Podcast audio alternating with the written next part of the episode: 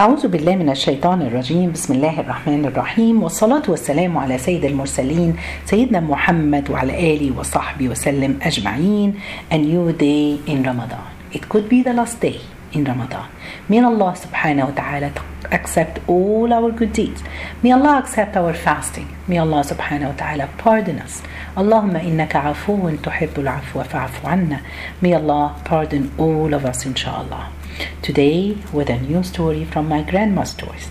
Let's start by sending salawat upon the Prophet, peace be upon him. Allahumma salli wa sallim wa barik ala Sayyidina Muhammad. One day, my grandma told me a story about my grandfather. She said that he used to work late. One day, coming from the bank where he used to work late, and he found a guy who usually stand on the curb and sell some bananas. It was a rainy winter day. It was cold. So he stopped by this guy and he said, Maybe I can buy the banana left for him so he can go home. He felt sorry for him. Then he, when he stopped to buy it, another car stopped at the same time and a young man came out of the car. He wanted to buy what's left with this guy. So my grandfather let him buy it because he didn't want. He knew that he, they have, he just went to help. After the other guy bought it, then going together to each one to take his car and leave, the young guy told him too that he just came to help this guy to leave because he felt sorry for him. When he went home, he told my grandmother story.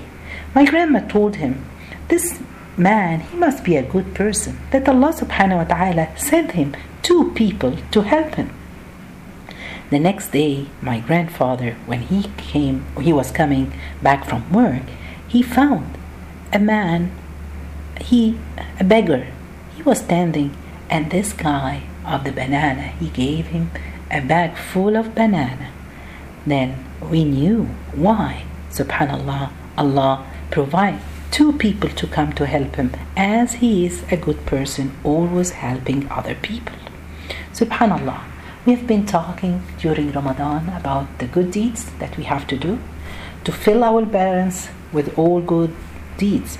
And we talked about the small good deeds. It doesn't have to be big things that you're doing. Just by uh, uh, closing the door quietly so you don't bother people are sleeping, that's a good deed. Just by picking up something on the floor or in the street, putting it in the garbage, that's a good deed. And we talked about all these good deeds. So Allah always will reward us, and especially during the months of Ramadan. We want to keep on after Ramadan the good deeds that we have started. As we said, whatever you do it, you get used to it. If you get used to it for more than tw- or 21 days, it's going to be a habit. So please, let's be looking for doing the good deeds. Another story of a painter, an old painter who used to live in a city uh, he paint very nice painting and he sell them. He is a rich man. One day, a man knocked the door for him and he asked for help. But the guy he told him, "You can leave. I don't, I'm not going to give you anything." So this needy person started to talk bad about him and he screaming and he told him, "Look at the butcher of this or of the city." He always help us. He gives us meat, and you never give us anything. And you're very rich. And then when he left, he kept on talking to whoever he sees that this is a greedy man. He's not nice. He's not generous. And then a year later, the painter, the old painter, passed away. Subhanallah. After a few days, the people of the city they started to that the butcher doesn't give them meat anymore. When they went to him asking him, he said no, because the old painter, he is the one who used every month give me amount of money and he tells me give for the needy people of the city. Subhanallah.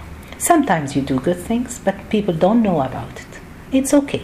Keep things in private between you and Allah. You don't have to tell everyone what you do.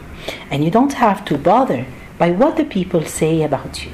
The only thing that you have to care about is what Allah subhanahu wa ta'ala is saying about you. How are you doing with Allah subhanahu wa ta'ala? Subhanallah. Do the good and leave it for Allah. Allah doesn't forget anything. Everything is written. Everything that you do, the angels are writing it down. And Allah knows what's in your heart. Subhanallah. Prophet Musa, when he left, he escaped from Egypt because he was afraid. He killed someone and he was afraid from the Pharaoh and the people of the Egyptian. So he left and he went to Midian. He went there. Subhanallah. At that day, he traveled. When he reached there, we all know the story. He found two girls trying to uh, water for their flocks. But what did he do? He did a very small thing. He went back, he watered for them, and then he went back to the shade and rest. And he made a dua. My Lord, indeed, I am for whatever good you would send down to me. I really am in need.